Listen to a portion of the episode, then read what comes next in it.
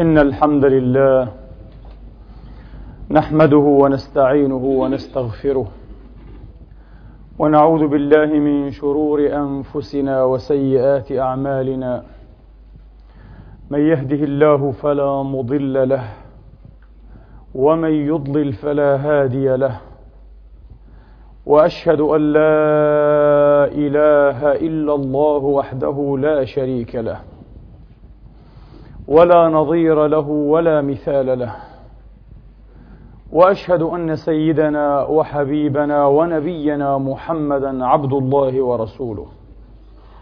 وصفوته من خلقه وأمينه على وحيه ونجيبه من عباده. أرسله الله سبحانه وتعالى على فترة من الرسل وطموس من السبل ففتح به اعينا عميا. وآذانا صما وقلوبا غلفا هدى به من الضلالة وأغنى به من العيلة وكثر به من القلة وأعز به من الذلة وجمع به من شتات وأحيا به من موات. وجاهد في الله حق جهاده حتى أتاه من ربه اليقين صلوات ربي وتسليماته وتشريفاته وتبريكاته. عليه وعلى آله الطيبين الطاهرين وصحابته الميامين واتباعهم بإحسان إلى يوم الدين. عباد الله أوصيكم ونفسي الخاطئة بتقوى الله العظيم ولزوم طاعته. كما أحذركم وأحذر نفسي من عصيانه ومخالفة أمره. لقوله سبحانه وتعالى من قائل من عمل صالحا فلنفسه ومن أساء فعليها وما ربك بظلام للعبيد. ثم أما بعد أيها الإخوة المسلمون الأفاضل أيتها الأخوات المسلمات الفاضلات يقول المولى الجليل سبحانه وتعالى في محكم التنزيل بعد أن أعوذ بالله من الشيطان الرجيم. بسم الله الرحمن الرحيم. يسبح لله ما في السماوات وما في الأرض الملك القدوس العزيز الحكيم. هو الذي بعث في الأميين رسولا منهم يتلو عليهم آياته يتلو عليهم آياته ويزكيهم ويعلمهم الكتاب والحكمة. وإن كانوا من قبل لفي ضلال مبين. هو الذي بعث في الأمين رسولا منهم يتلو عليهم آياته يتلو عليهم آياته ويزكيهم ويعلمهم الكتاب والحكمة. وإن كانوا من قبل لفي ضلال مبين. وآخرين منهم لما يلحقوا بهم وهو العزيز الحكيم. ذلك فضل الله يؤتيه من يشاء. والله ذو الفضل العظيم. مثل الذين حملوا التوراة ثم لم يحملوها كمثل الحمار كمثل الحمار يحمل أسفارا بئس مثل القوم الذين كذبوا بآيات الله والله لا يهدي القوم الظالمين. صدق الله العظيم وبلغ رسوله الكريم. ونحن على ذلك من الشاهدين. اللهم اجعلنا من شهداء الحق القائمين بالقسط. آمين. اللهم آمين. أيها الإخوة الأفاضل والأخوات الفاضلات. في مثل هذا اليوم ولمثل هذه المناسبة ليس يخلق بمتحدث أن يتحدث إلا عن الرحمة المهداة والنعمة المفداة والسراج المنير البشير النذير الذي أرسله الله سبحانه وتعالى رحمة للعالمين وبشيرا ونذيرا ورسولا للناس كافة. هو رحمة لكل ما خلق الله سبحانه وتعالى. أما رسالته فيعنى بها المكلفون من الإنس والجن. وهنا دقة التعبير القرآني. وما أرسلناك إلا للناس كافة بشيرا ونذيرا. وما أرسلناك إلا رحمة للعالمين. الرسالة يعنى بها المكلف. أما الرحمة فتعم الخلائق طرا. وقد ورد أن جبريل عليه الصلاة وأفضل السلام نزل على رسول الله ودار حديث حول القرآن العظيم. فسأله رسول الله عليه الصلاة وأفضل السلام وأنت يا أخي يا جبريل هل أصابك شيء من هذه الرحمة؟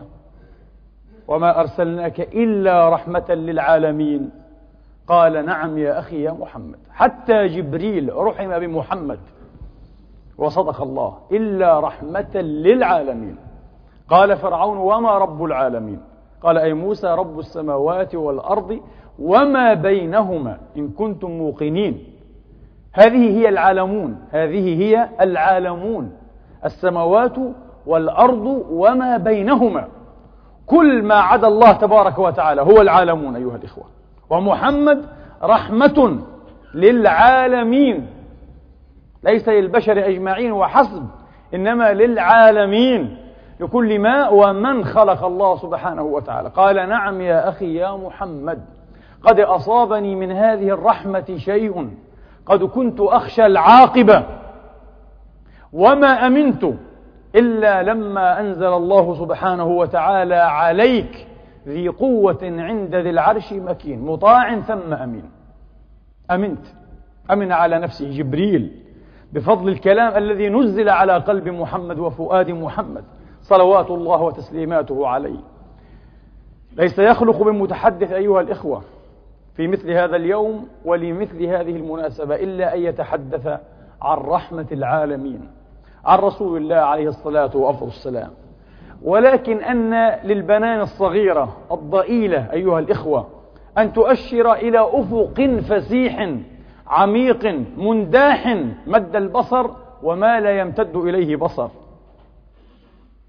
أن وأن لكف ضئيلة لطيفة أن تنزح البحر المحيط في عمر إنسان واحد أو في أعمال البشر أو فيما تطاول من أعمال الدنيا والكون.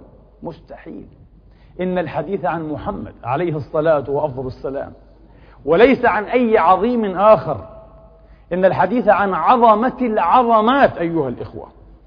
ولئن كانت المناسبة وافقة بين هذا الحديث وبين هذا الظرف الزماني إلا أنها تتجدد هذه المناسبة للحديث عن هذه العظمة الجامعة لشمل العظائم والعظمات ما احتاج الناس إلى هداية أيها الإخوة. ما احتاج الناس إلى نور يتهدون بأضوائه. ما احتاج الناس إلى مثل أعلى يتخيلون سبيله ويمشون في آثاره وينتحون ناحيته. الحديث يتجدد والمناسبة تستجد أيها الإخوة ما بقي في الناس تظالم وتهارش وتمييز وتفرقة. وإعلاء لمعان وقيم ما أنزل الله بها من سلطان يذهب الإنسان أول ضحاياها. يذهب الإنسان أول ضحاياها. والحديث عن رحمة العالمين. الحديث عن رحمة العالمين. قبل سنوات بعيدة تساءلت أيها الإخوة والأخوات في مثل هذه المناسبة الكريمة. سؤالا عجيبا أدرك وأدركت حينها. أن مثلي أصغر وأدنى بكثير من أن يجيب عن مثل هذا السؤال. سؤال عجيب. ماذا لو عاد رسول الله عليه الصلاة وأفضل السلام إلى هذه الدنيا ساعة من زمان ليقيم بيننا ساعة مفردة واحدة من الزمان؟ ماذا لو عاد الرسول؟ كيف سنهتبل هذه الفرصة؟ كيف سننتهز هذا الوقت الشريف الخطير. ساعة من رسول الله. يعود ليحيا بيننا. إن هذه الساعة لا تكفي للتغيير. أن نطلب إليه ومنه أن يغير الأحوال والأوضاع. لا يكفي. ولا يصح ولا ينبغي لأن هذا الكون لا يتغير ولا يتبدل إلا على وفاق سنن حاكمة. كان النبي أول من صبر أغوارها ورعى حرمتها وسار على هديها. وهنا عبقرية النبي الرسول عليه الصلاة وأفضل السلام.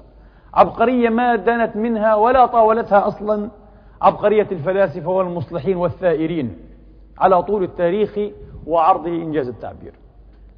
ولذا قد يقال في مثل هذه النهزة القصيرة المنزورة من الوقت والزمان علينا أن نطلب إليه توجيها أو نطرح أمامه سؤالا. نحن سنفضل أن نطرح سؤالا لأن التوجيه موجود كتوجيه كعظة موجود وبكثرة. في الكلام العلوي الطهور القدس الذي أنزل على قلبه أو فيما أوحى الله إليه من سنته الحكيمة. أما السؤال فهو شأننا وشأن أمثالنا. من الذين حاروا وتهوموا وتهوكوا. سنسأله هذا السؤال الهائل المريع. قبل سنوات سألنا جملة أسئلة وعرفنا الآن بحكم حكمة السنين أيها الإخوة وتحنيكها لمن يدعي العلم والمعرفة أو العرفان أنها في غير محلها تماما. وقد كان أجدر وأحرى بنا أن نسأل هذا السؤال.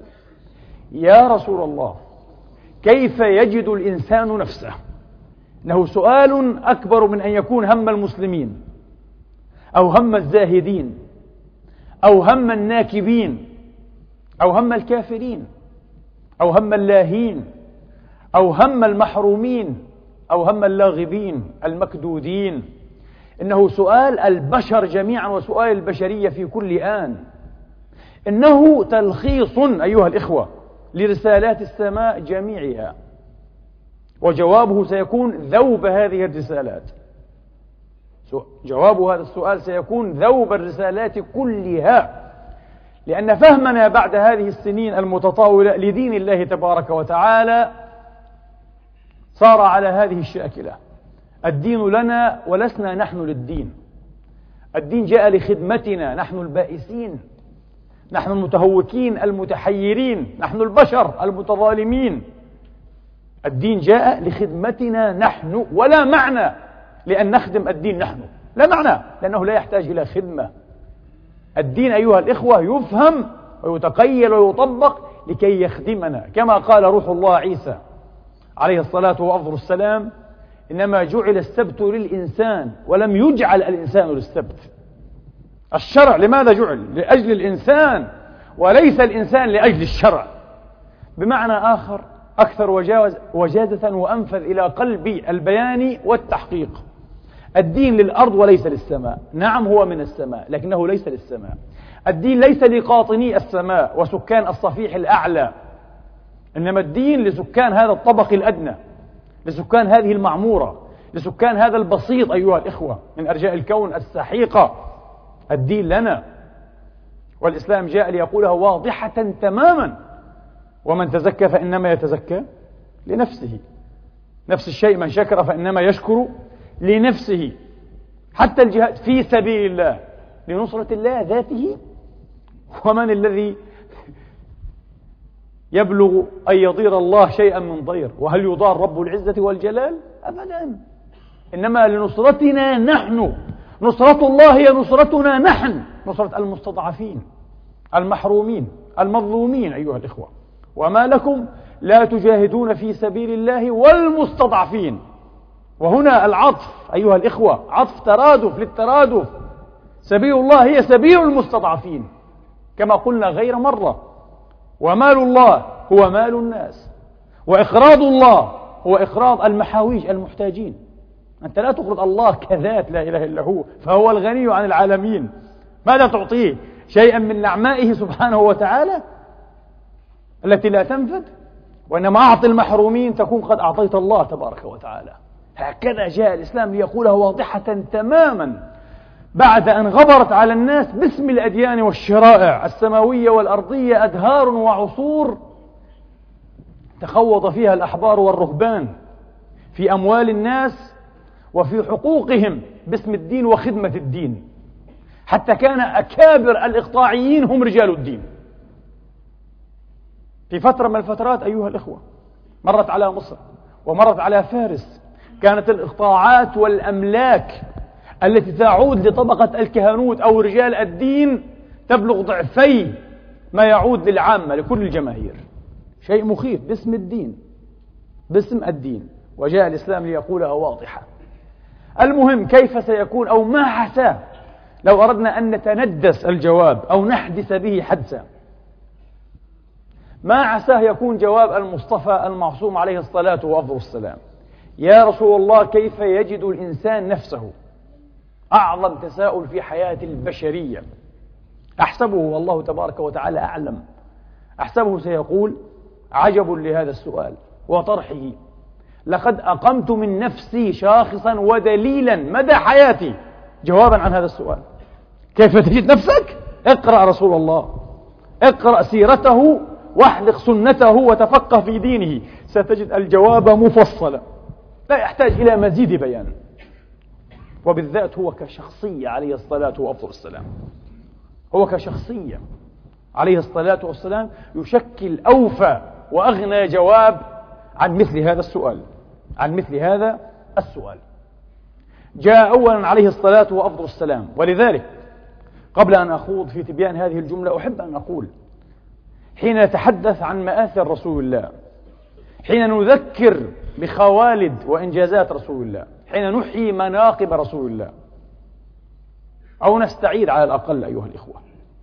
ذكر هذه المناقب نحن لا ننصف رسول الله عليه الصلاة وأفضل السلام من شانئيه ومبغضيه الذين يغضون من قدره ويعيبون جانبه الشريف الذي لا يضار أبدا لا نفعل ذلك.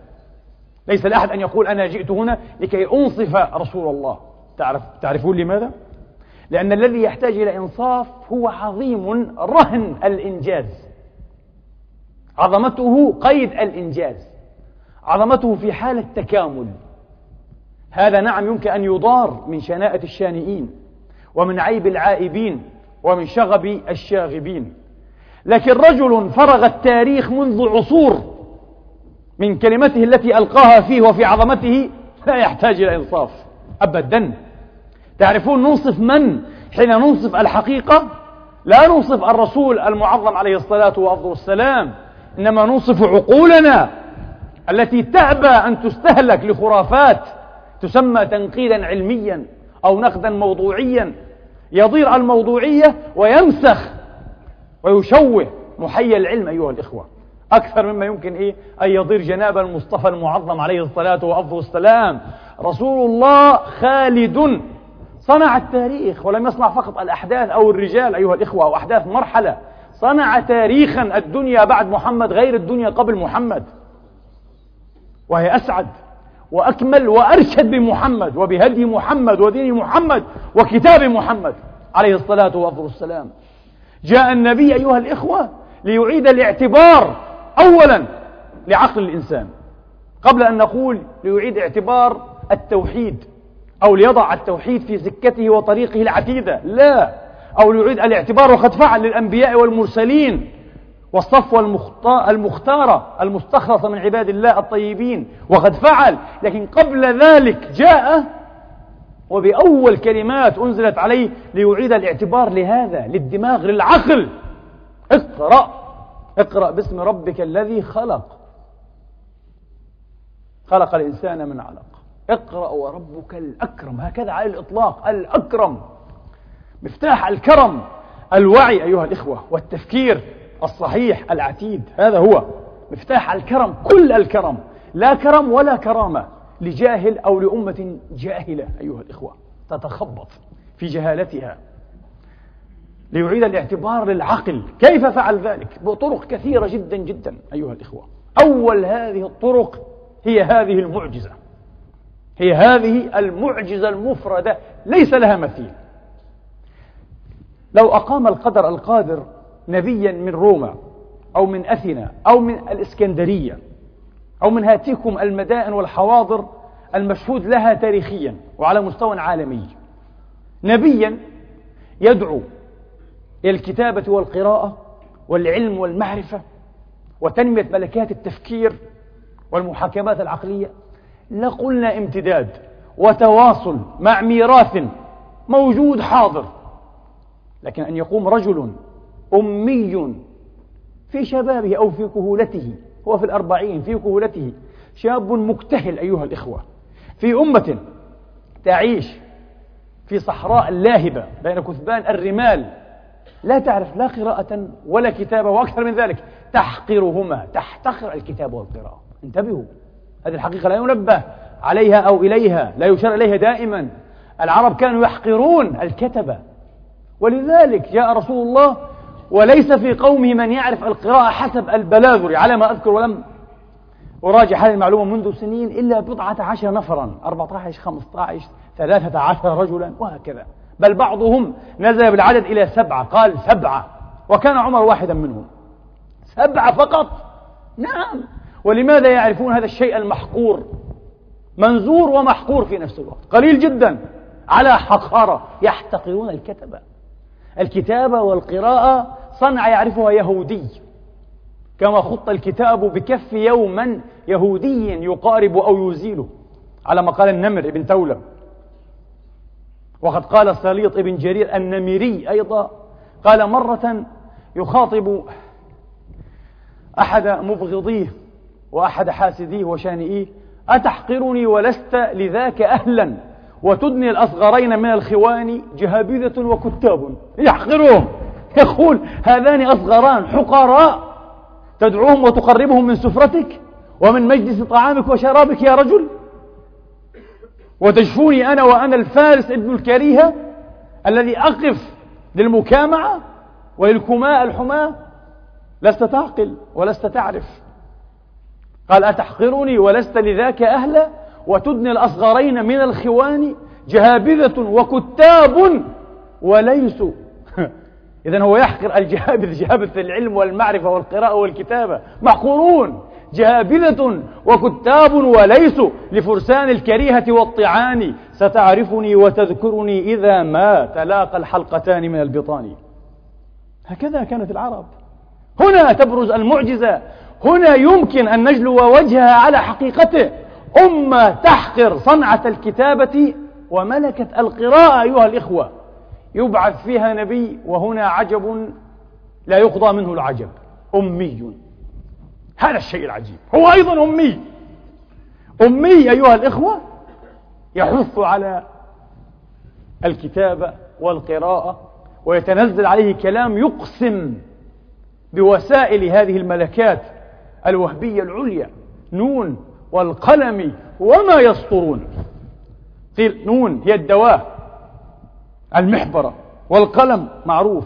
وما يسطرون المكتوب المزبور المسطور. ثلاثة أقسام متوالية بهذا الشيء المحقور. أنا قلت عجب لا يقضى منه العجب. تعلمون لماذا أيها الإخوة؟ لأن من عادة الإنسان وهذا يؤكد أن هذا الإنسان العظيم لم يكن عظيما وحسب بل كان أيضا نبيا رسولا. لم يكن أفاقا ولا أفاكا ولا أثيما عليه الصلاة وأفضل السلام لم يفتري على رب العزة الكذب. إنه مرسل من لدن الله. قد اختارته العناية الإلهية وحفظت عليه سواءه النفسي. أحببت أن أجعل هذه الخطبة وقفا لكن دائما المجال يضيق وقفا على إبراز هذا الجانب المفرد من شخصيته. عليه الصلاة وأفضل السلام. أنه كان أنموذجا أيها الإخوة للسوية للسواء النفسي والعقلي والمزاجي والمسلكي. وهذا أحد دلائل وبرهان أيها الإخوة هذه الدعوة. الإنسان فينا كلنا بالاستثناء الإنسان فينا من عادته من عادته أنه يحقر الشيء الذي لا يحسنه في أسوأ الأحوال. وفي أعدلها قد لا يتحمس له. وفي أحسن هذه الأحوال لا يجعل من نفسه سفيرا ومبشرا بهذا الشيء. لماذا يدعو إليه؟ لماذا يحبب الناس فيه؟ وهو محروم منه صحيح؟ فإن فعل فهو إنسان غريب وعجيب. لابد أن نعيد النظر فيه مرات. هذا شأن عجيب. والناس أعداء ما جهلوا. الناس أعداء ما جهلوا. تجد طبيبا مثلا يمارس الطب. آه. الطب عنده يوشك أن يكون كل شيء. المعرفة كما يقال برمتها. فلو قيل له عن الدرس الفلسفي لازم فلسفة. ومجردات وتجريدات صنعت كلام كلام فرغ. لا نتقدم به. يحقر الفلسفة والفلاسفة مباشرة. والفيلسوف بدوره سيحقر الطب والطبابة وهذه العلوم التطبيقية والتجريبية التي لا تليق إلا بأصحاب المستويات الدنيا. من العقل والمحاكمة هذه المستويات لا تؤهلهم أن يرتفعوا إلى مقام ماذا؟ التعميم والتجريد الذي يحتاج إلى ذهنية ممتازة تماما يزعم الفيلسوف. وهكذا في كل الصنائع والملكات أيها الإخوة. ولذلك من جهل شيئا عاداه قالوا أيضا ومن أحب شيئا أكثر من ذكره مبشر به دائما داعي إليه. الرسول لا يعرف الكتابة لا يعرف القراءة لكن يتنزل عليه كلام يقسم بوسائل هذه الملكات أيها الإخوة. هذا شيء عجيب جدا. وهل نجح؟ نعم وأيما نجح. نجح نجاحا منقطع النظير لقد خلق في أمة لا تعرف الكتابة والقراءة تجهلهما وتحقرهما وهو أمي أيضا أمة تقدس الكتابة والقراءة. كان الأسير القرشي الكافر يفتك رقبته ويفتدي نفسه إن هو أفلح في تعليم عشرة من صبية المسلمين الكتابة والقراءة. خلاص. هذا بدل النقود بدل الفدية. هكذا علمهم محمد. وشاعت فيهم صنعة الكتابة أيها الإخوة والقراءة من بعد. وما هي إلا عقود يسيرة. حتى رأينا خلفاء هذه الأمة المرحومة ماذا؟ يعادلون بين الكتاب وبين الذهب. يشترون الكتب بوزنها ذهبا. ومثل هذا لم يسمع عن أمة قط. أن يشترى كتاب بوزنه ذهبا. عجيب جدا. نجح النبي إذا هنا. نجح. لقد أعاد الاعتبار للعقل أيها الإخوة. يوم أيضا فك إسار العقل من التهويم فيما ورئيات لا يمكن أن تجدي أو أكثرها على الأقل لا يمكن أن يجدي العقل أو الإنسان العاقل نفعا لقد برحت مسائل العقل نفسها بفلاسفة الإغريق أيها الإخوة. يريدون أن يعقلوا العقل وقواه. العقل يريد أن يفكر في نفسه لكن جاء القرآن ليقول لا. العقل يفكر به ولا يفكر فيه. طريق أخطر وأحسن وأكثر إنتاجية وإنجازا وهكذا كان. وجاء القرآن ليقول قبل ديكارت بقرون أيها الإخوة الذي يتبجح الغربيون بأنه سئل يوما وهو من الفلاسفة التجريبيين وله يد بيضاء على هذا المنهج التجريبي بلا شك. سألوه يوما أي كتاب درست؟ من أي مرجع تعلمت؟ فأشار إلى جثة حيوان نافق هالك. فقال هذا قرأت هذا الكتاب. تجريب. اعمد إلى مفردات الكون مفردات الوجود اقرأها مباشرة قراءة التجريب والاستطلاع والاستنطاق والشورى. استشر هذه الأشياء. يتبجحون بقول فيلسوف آخر صخرة في مكانها قابعة خير من ألف كتاب ألف عنها. اقرأ الصخرة نفسها. لا تقرأ ما كتب عنها. لعل من كتب عنها لم يحسن قراءتها. كأنت أو كما تحسن أنت قراءتها. القرآن جاء أيها الإخوة وجعل طريقته الآيوية إنجاز التعبير في التدليل على قدرة الله وبدائع الصنع الإلهي الحكيم هو النظر في مفردات الوجود الحسية. فأقسم بها. لم يشر إليها فقط في مئات المواضع فيما يزيد عن ألف آية. إنما أيضا رفعها إلى مقام أن يقسم بها. أقسم بمظاهر كونية كثيرة جدا. قال والشمس وضحاها. يقسم. والقمر إذا تلأها. والنهار إذا جلاها. والليل إلى آخر هذه الأقسام المتوالية. والضحى. والليل إذا سجى. يقسم. فلا أقسم بمواقع النجوم. وإنه لقسم لو تعلمون عظيم. ما الفرق بين قول ديكارت هذا الذي يتبجح به؟ وبين قوله تعالى أفلا ينظرون إلى الإبل كيف خلقت؟ هو يشير إلى حيوان نافق يقول هذا الكتاب الذي قرأت. القرآن يقول هذا قبل ديكارت. له الأسبقية. أفلا ينظرون إلى الإبل؟ اقرأ الإبل. وهكذا فعل المسلمون. استجابوا لله استجابة ذكية لكن للأسف في القرون الأربعة الأولى فقط من تاريخهم. ثم جمدوا. فنضب معينهم. وتراجع إنجازهم العلمي إلى اليوم للأسف الشديد.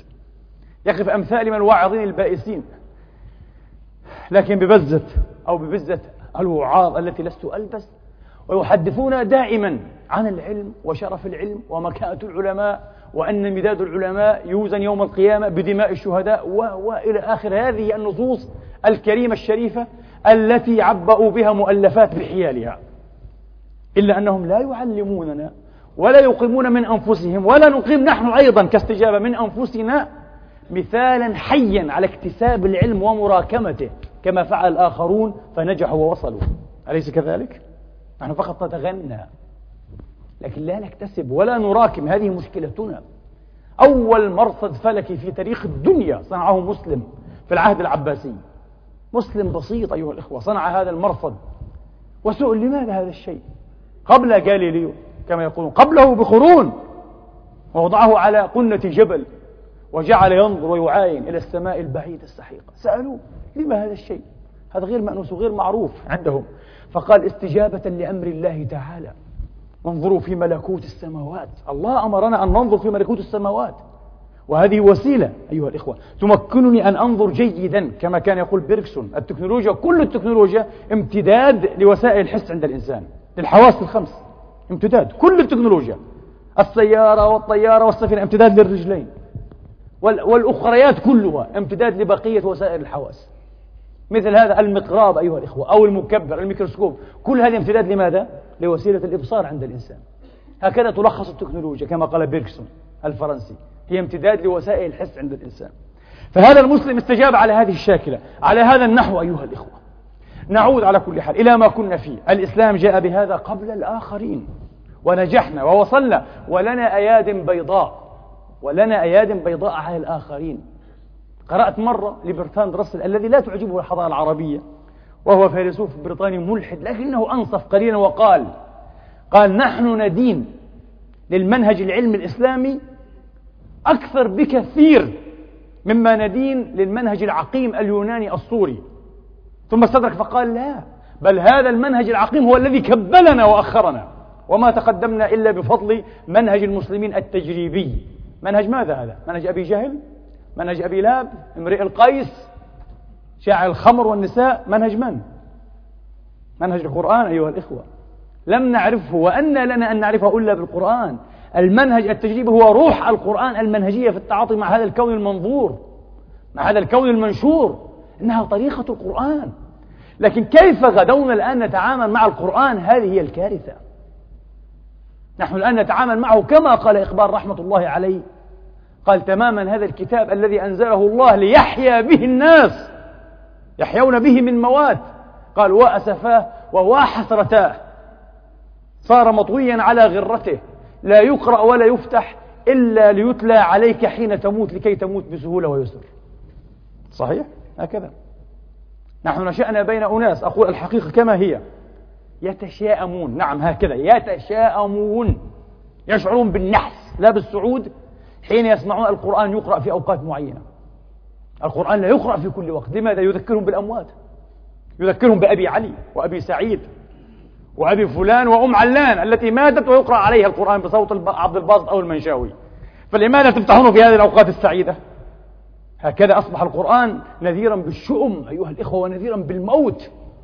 لأننا كما قال إقبال وهو صادق لا نفتح لا نتلوه إلا لكي يموت المسلم وبعد أن يموت لكي يستريح في قبره ولكي يستريح ساعة موته.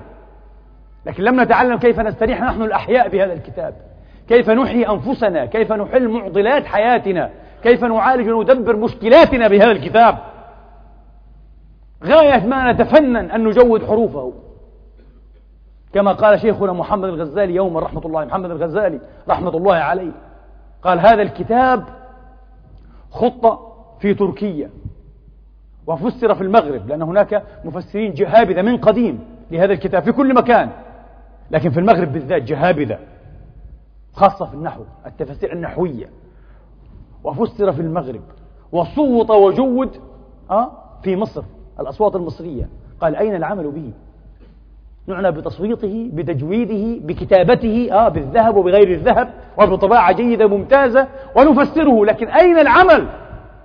أين منهج القرآن في حياتنا؟ هذه هي المشكلة. وقال الرسول يا رب إن قوم اتخذوا هذا القرآن مهجورا. نعود إلى رسول الله. للأسف يدركنا الوقت بسرعة. رسول الله كان على سويته أيها الإخوة. ولذلك لم يجد حريجة بالعكس بل كان مندفعا بحماس بالغ. في دعوته العلم والكتابة والقراءة والمعرفة ومراكمة هذه المعارف وهو الأمي المحروم من نعمة الكتابة والقراءة. عليه الصلاة وأفضل السلام. وهذا يدل على سواء أنه إنسان سوي تماما. الرسول لم يرزق الولد الذكر أيها الإخوة إلا ما كان من إبراهيم عليه السلام الذي أتاه على كبر. وفقد هذا الصغير إنما يكون على قدر التعويل عليه. ولقد يبدو أن تعويله عليه كان عظيما لأنه سماه باسم جده وأبيه الأكبر شيخ الأنبياء إبراهيم. يرثني ويرث من آل يعقوب. لعله كان يعول عليه أن يرث أي شيئا كبيرا طائلا منه عليه الصلاة وأفضل السلام. وقد آتاه الله ورزقه به في كبر سنه بأخر في حياته عليه الصلاة وأفضل السلام. ثم اختطفه القدر الغلاب وهو ابن بضعة عشر شهرا لم يكمل سنتين اختطفه. وفجع به النبي المحمد عليه الصلاة وأفضل السلام أيما فجيعة لم تخرجه أيها الإخوة عن رضائه واستسلامه لقدر الله تبارك وتعالى. لكنه فجع به فجيعة حركت التساؤل المندهش في نفوس جملة من أصحابه. أتبكي يا رسول الله أنت نبي؟ وهل تناقض النبوة الحنان؟ وهل تناقض الحب؟ وهل تناقض الرحمة. النبي تحدث عن الرحمة هنا وأن الله لا ينزعها إلا من شقي. أيها الإخوة والرحمة وثيقة ووشيجة العلاقة بماذا؟ بالحب. لا يمكن أن تجد إنسانا قاسي القلب جلمود الفؤاد ويكون محبا أو يعرف الحب إنه يعرف الاستئثار. حتى لأولاده ولا يحبهم يستأثر يجد نفسه من خلالهم.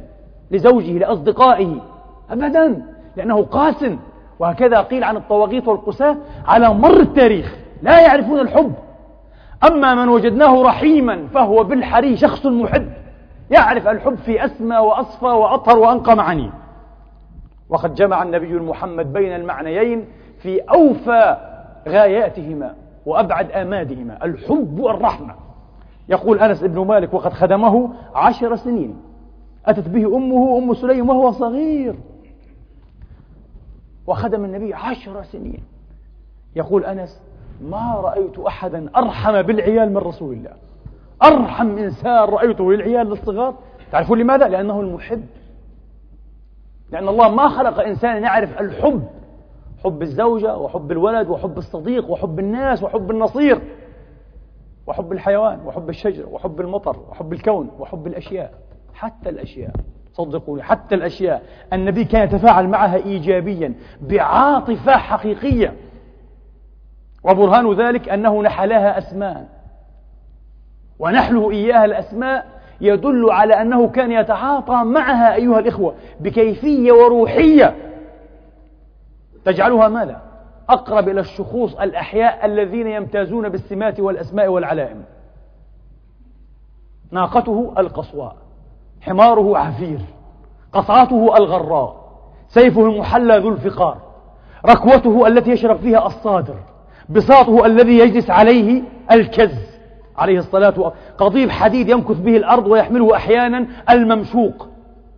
هكذا كل أشيائه أعطاها أسماء عليه الصلاة والسلام ليشير إلى علاقته الواشجة القوية الحميمة بهذه الأشياء. هي ليست مجرد أشياء لا أشياء لها شخصياتها. لها محدداتها. ولذلك هو يتعامل مع هذه الأشياء ويتعاطى مع هذه الأشياء من هذا المنظور من هذا المنطلق. له علاقة حقيقية بها. وفعلا. ولذلك الحصى سبح في يده. جبل. وحجر مرة كان يشهدان له بالنبوة. ويسلمان السلام عليك يا نبي الله. قال أعلم هذا الجبل. وفي رواية أعلم هذا الحجر. كان يسلم عليه في مكة حين نبئ بعنوان النبوة. يا نبي الله يقول له اشتاق إليه. الجذع حن له. لماذا لا ينحلها أسماء؟ لقد نحلها أسماء عليه الصلاة والسلام أسماء كثيرة. نعم هكذا كان. أما مع الأحياء هذا شيء مختلف تماما. وما عرف التاريخ رجلا أو امرأ اتسع نطاق حب البشر له كما اتسع النطاق مع رسول الله عليه الصلاة والسلام. أحبه الناس رجالهم ونساؤهم كبارهم وصغارهم سادتهم وعبيدهم حتى العبيد لأنه أحب العبيد أيضا. هو أحب عبيده ورحمهم. والعبد أيها الإخوة لا ناصر له بين يدي سيده إلا ما يكون في قلب هذا السيد من رحمة وحنان. أليس كذلك؟ إنه عبد. أما الزوجة فقد تتعدد الأسباب التي تحمله على إيه؟ على رحمتها أو حبها وكذا الصديق وكذا النصير إلى آخره. أما العبد المملوك الذي يساوي دراهم معدودة. فلا ناصر له إلا ما يكون في قلب سيده من حنان ورحمة. يبعث مملوكة له يوما فتتأخر أو لزوجه فتتأخر عليه حتى تمله.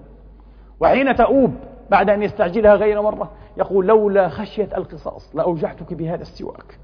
وإن ضربا بالسواك غير وجيع يا إخواني لكنه يخشى القصاص أيضا. لولا خشية القصاص. لأوجعتك يبعث أنسا خادمه. قريب العبد ولم يكن بعبد لكنه خادم. أخدمه عليه الصلاة والسلام. يبعثه له في حاجة. فيريث عليه. يطول. فيريث عليه.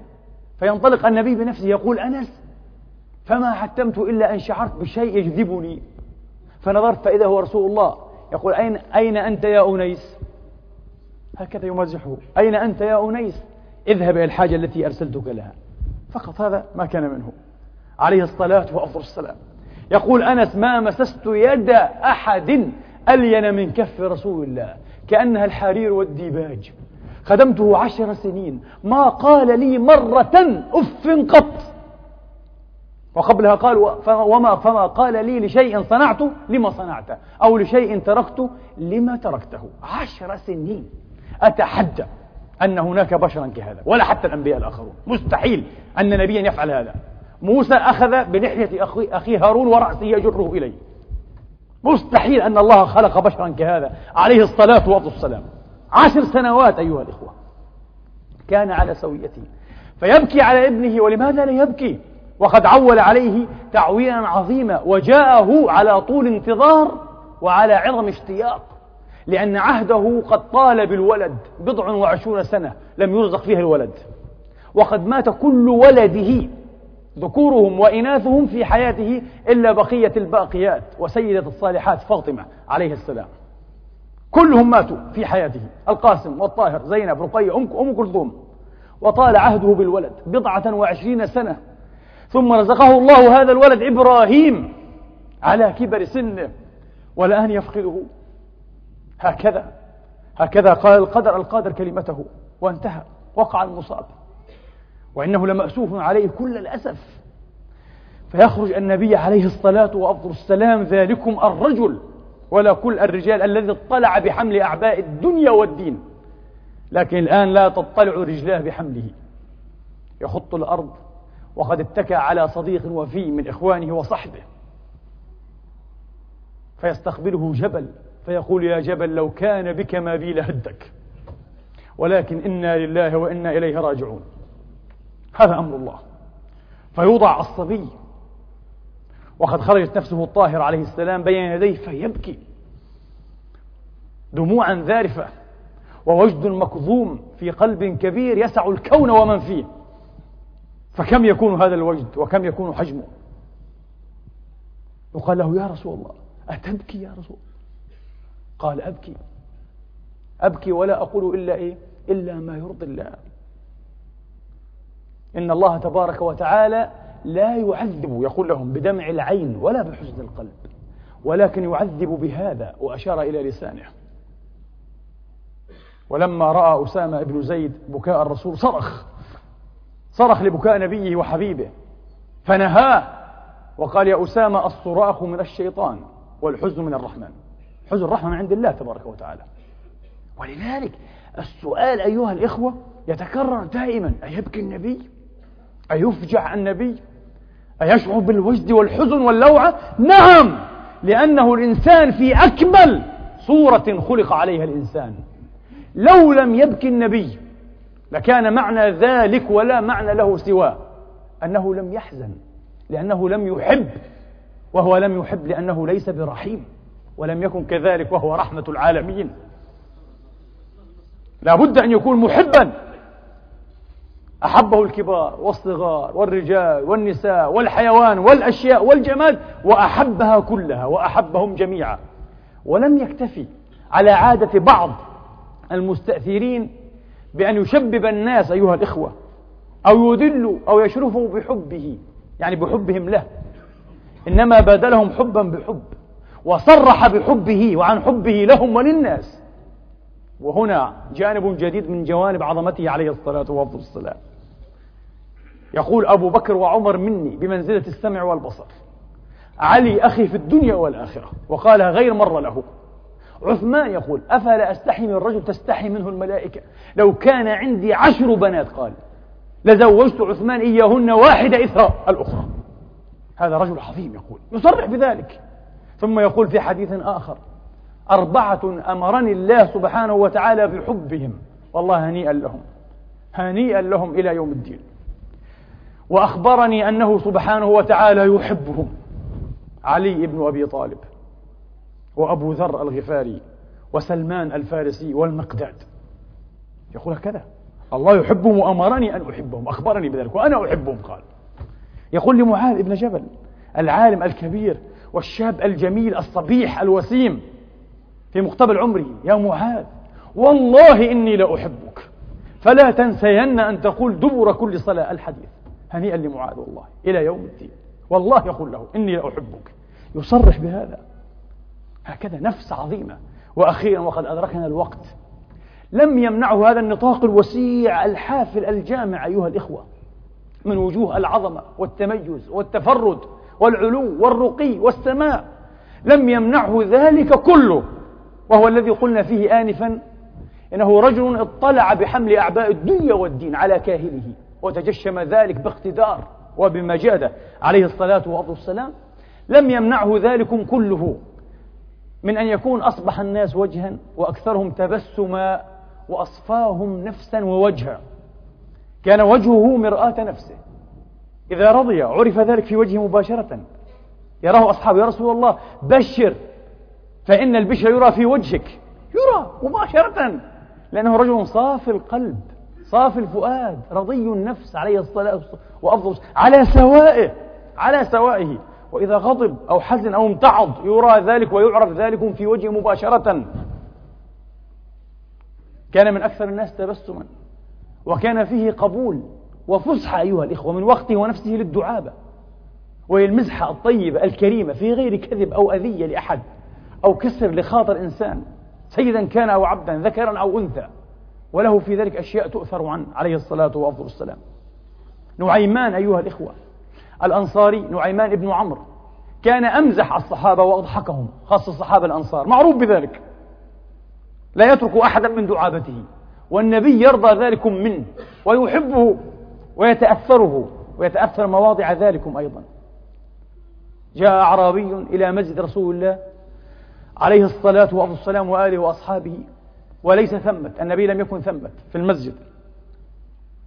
فعقل ناقته بباب المسجد ويبدو أنها كانت ناقة فارهة. فأقبل الصحابة على نعيمان قالوا يا نعيمان لو نحرت هذه الناقة فقد قرمنا للحم أو قرمنا إلى اللحم اشتهيناه. قالوا ومن يغرم ثمنها؟ قال رسول الله.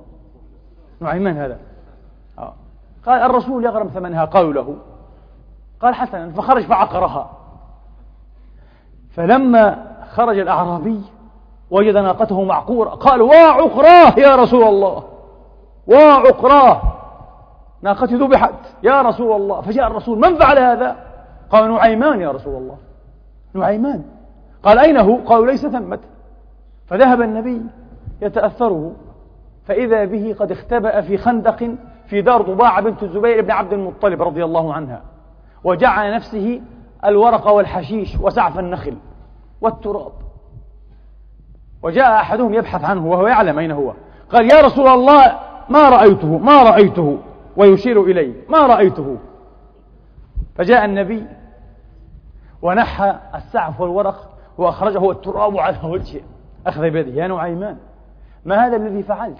قال يا رسول الله الذين دلوك عليهم الذين أمروني وقالوا تغرم ثمنها هم الذين فعلوا ذلك. فجعل النبي يضحك ويتبسم ويمسح التراب عن وجهه وغرم النبي ثمنها. هكذا أيها الإخوة كانوا يصطنعون معه مثل هذه الدعابة يعلمون أنه يقبلها. مستحيل تفعلونها مع شيخ لكم صحيح؟ مع أستاذ مستحيل. بعض الناس يتساءل أو يضحك الشيوخ؟ لماذا أهم من طينة أخرى مخلوقون؟ لماذا إذا كانوا يضحكون؟ فلنا عليهم علامات استفهام كثيرة ليسوا أسوياء.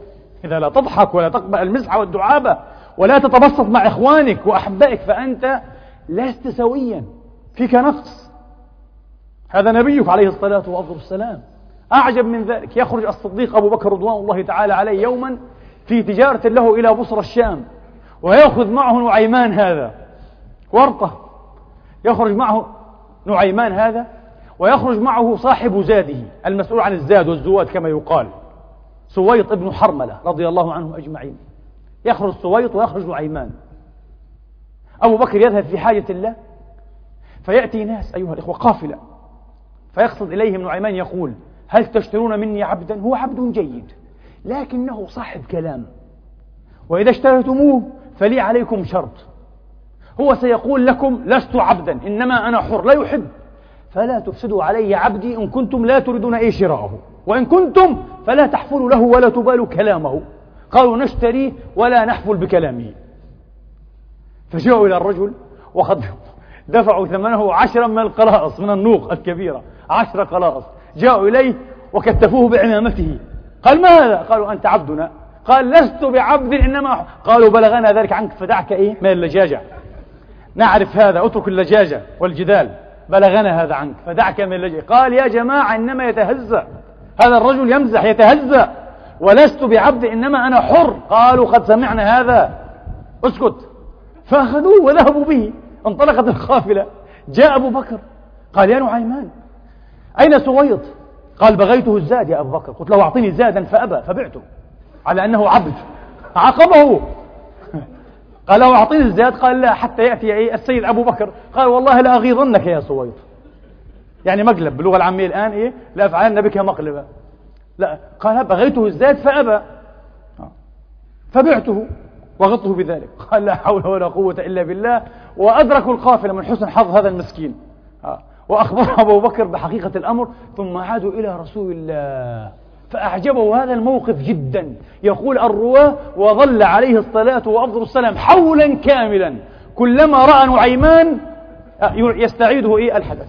ماذا حدث يا نعيمان؟ مع هذا الرجل؟ كيف بعته؟ حدثنا يا نعيمان. سنة كاملة حولا كاملا. النبي إيه؟ يضحك ويضحك من حوله من هذه الفعلة العجيبة. هكذا كان. عظيم. لأنه كان سويا. كان رجل الفطرة. وما كان ينفذ إلى قلوب الناس إلا من طريق الفطرة أيها الإخوة. لذلك كان يتهاوى الرجل القوي السليط القاسي الجلمود أمامه بكلمة يقولها تخشع القلوب أيها الإخوة المتحجرة أمام هذا الإنسان العظيم. تخر جلالات هؤلاء الكبراء أمام عظمة هذا العظيم مباشرة لأنه يعمل إليهم من أقصر طريق إنها طريق الفطرة طريق السواء. قال يتلو عليهم آياته ويزكيهم قبل التعليم. ثم قال ويعلمهم الكتاب والحكمة. نحن الآن عكسنا الطريقة تماما. نستفرغ الأوقات والجهود في التعليم. والتزكية قد تأتي أو لا تأتي. لا يصح. لابد من التزكية أولا. أن نعمد إلى القلب إلى الشعور إلى الوجدان أيها الإخوة. إلى الطبيعة فنعيدها. عفوا فنعيدها إلى سوائها. فإذا عادت إلى سوائها وسارت على سكة الاعتدال بين مجالين للمغالاة فيهما ميدان من هنا ومن هناك استقام أمر الناس. استقام أمر الإنسان وأمر المجتمع. اتكأ مرة عليه الصلاة وأفضل السلام ووضع ساقا على ساق.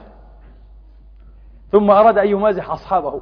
قال لهم انظروا ساقي هذه. قالوا نعم يا رسول الله. قال أي شيء بها أشبه؟ فتحيروا. كذا وكذا وكذا. لم يعرفوا. قال ساقي هذه. أشبه شيء بساقي هذه ساقي هذه فضحكوا جميعا. هكذا كان مزاحه عليه الصلاة وأفضل السلام. تأتي عمته صفية وهي امرأة عجوز بنت عبد المطلب. فيقول لها يا عم يا صفية لا يدخل الجنة عجوز. فبكت والتاعت. فتبسم النبي وقال لها ألم تسمعي قول الله تعالى إنا أنشأناهن إنشاء فجعلناهن أبكارا عربا أترابا في سن واحدة بنات تسعة عشرة ففهمت وثابت إلى الرضا والفرح. تبسمت معه أيضا. هكذا مزحة خفيفة طيبة. جعلها تفهم آية تتنبه إلى موضعها من كتاب الله إلى موضع تأويلها. هكذا كان يمزح. أمه بعد أمه كما كان يناديها ويلقبها بركة الحبشية المرأة السوداء أم أيمن. كان يحبها. ويناديها بهذا اللقب الذي سمعتم. قال لها مرة يا أم أيمن غطي قناعك. يريد وجهها الأسمر كأنه قناع. قال غطي غطي هذا القناع. وليس بقناع هو جلدها يمازحها. وتحب هذا منه. يا أم أيمن غطي قناعك. وذات يوم في معركة حنين أيها الإخوة.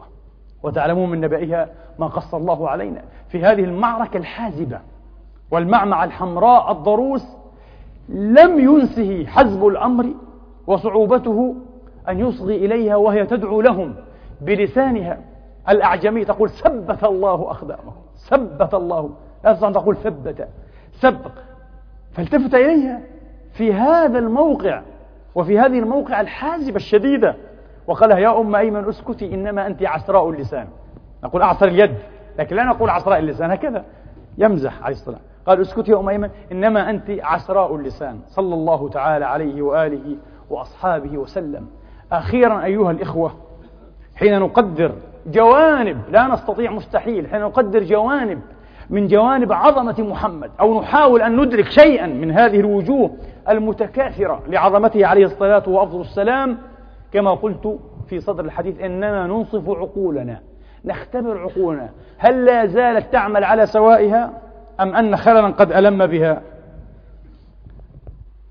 إن مقدارك من العظمة بمقدار ما تتحسس من وجوه العظمة في العظماء وسيد العظماء عظيم العظماء هو محمد عليه الصلاة وأفضل السلام. وانتبهوا إذا ضاع العظيم بين قومه فما عساه يكون موقع الصغير فيهم؟ آه انتبهوا. باسم النقد ينالون من نبينا ومن كبرائنا ومن أئمتنا ومن أسلافنا باسم هذا النقد ما عساه يكون موقع أمثالنا. نحن سنذبح تماما إذا سنلغى من الوجود. إذا ضاع الكبير ما عساه يكون موقع الصغير. إذا لم يعترف لمحمد بشيء من الفضل هل يعترف لي ولك؟ ومن هنا يكون الخباء الخبال والوبال والدمار. نسأل الله تبارك وتعالى أن يعيدنا إلى دينه عودا حميدا. اللهم اجز محمدا صلوات ربي وتسليماته وتشريفاته عليه وآله وأصحابه وأتباعه خيرا ما جزيت نبيا عن نبوته ورسولا عن رسالته وأمته. اللهم آمين. أقول هذا القول وأستغفر الله لي ولكم فاستغفروه. الحمد لله الحمد لله الذي يقبل التوبة عن عباده ويعفو عن السيئات ويعلم ما تفعلون ويستجيب الذين آمنوا وعملوا الصالحات ويزيدهم من فضله والكافرون لهم عذاب شديد. وأشهد أن لا إله إلا الله وحده لا شريك له وأشهد أن سيدنا ونبينا وحبيبنا وعظيمنا محمدا عبد الله ورسوله. صلى الله تعالى عليه وعلى آله الطيبين وصحابته المباركين وأتباعهم بإحسان إلى يوم الدين وسلم تسليما كثيرا. اللهم إنا نسألك أن تجزي سيدنا محمدا صلوات الله وتسليماته عليه وآله وأصحابه وأتباعه عنا خير ما جزيت نبيا عن نبوته ورسولا عن أمته ورسالته. اللهم أحينا على سنته وأمتنا على ملته. واحشرنا يوم القيامة في زمرته وتحت لوائه. اللهم أوردنا حوضه وأسعدنا بشفاعته واسقنا بيده الشريفة الكريمة شربة لا نظمأ بعدها حتى ندخل الجنة. اللهم إنا نسألك الهدى والتقى والعفاف والغنى. اللهم أصلحنا وأصلح بنا واهدنا واهد بنا. اللهم اجعلنا مفاتيح الخير مغاليق للشر. اللهم إنا نسألك أن تنصر الإسلام وأن تعز المسلمين وأن تعلي بفضلك كلمتي الحق والدين. اللهم من أراد بالإسلام والمسلمين خيرا فكن له خير ناصر ومعين. ومن أراد به وبهم شرا فخذه أخذ عزيز مقتدر فإنه لا يعجزك. إلهنا ومولانا رب العالمين. اللهم إنا نسألك وندعوك أن تجعل جمعنا هذا جمعا مرحوما وتفرقنا من بعده تفرقا معصوما. اللهم لا تدع فينا شقيا ولا بائسا ولا يائسا ولا مطرودا ولا محروما. برحمتك يا أرحم الراحمين. عباد الله إن الله يأمر بالعدل والإحسان وإيتاء ذي القربى.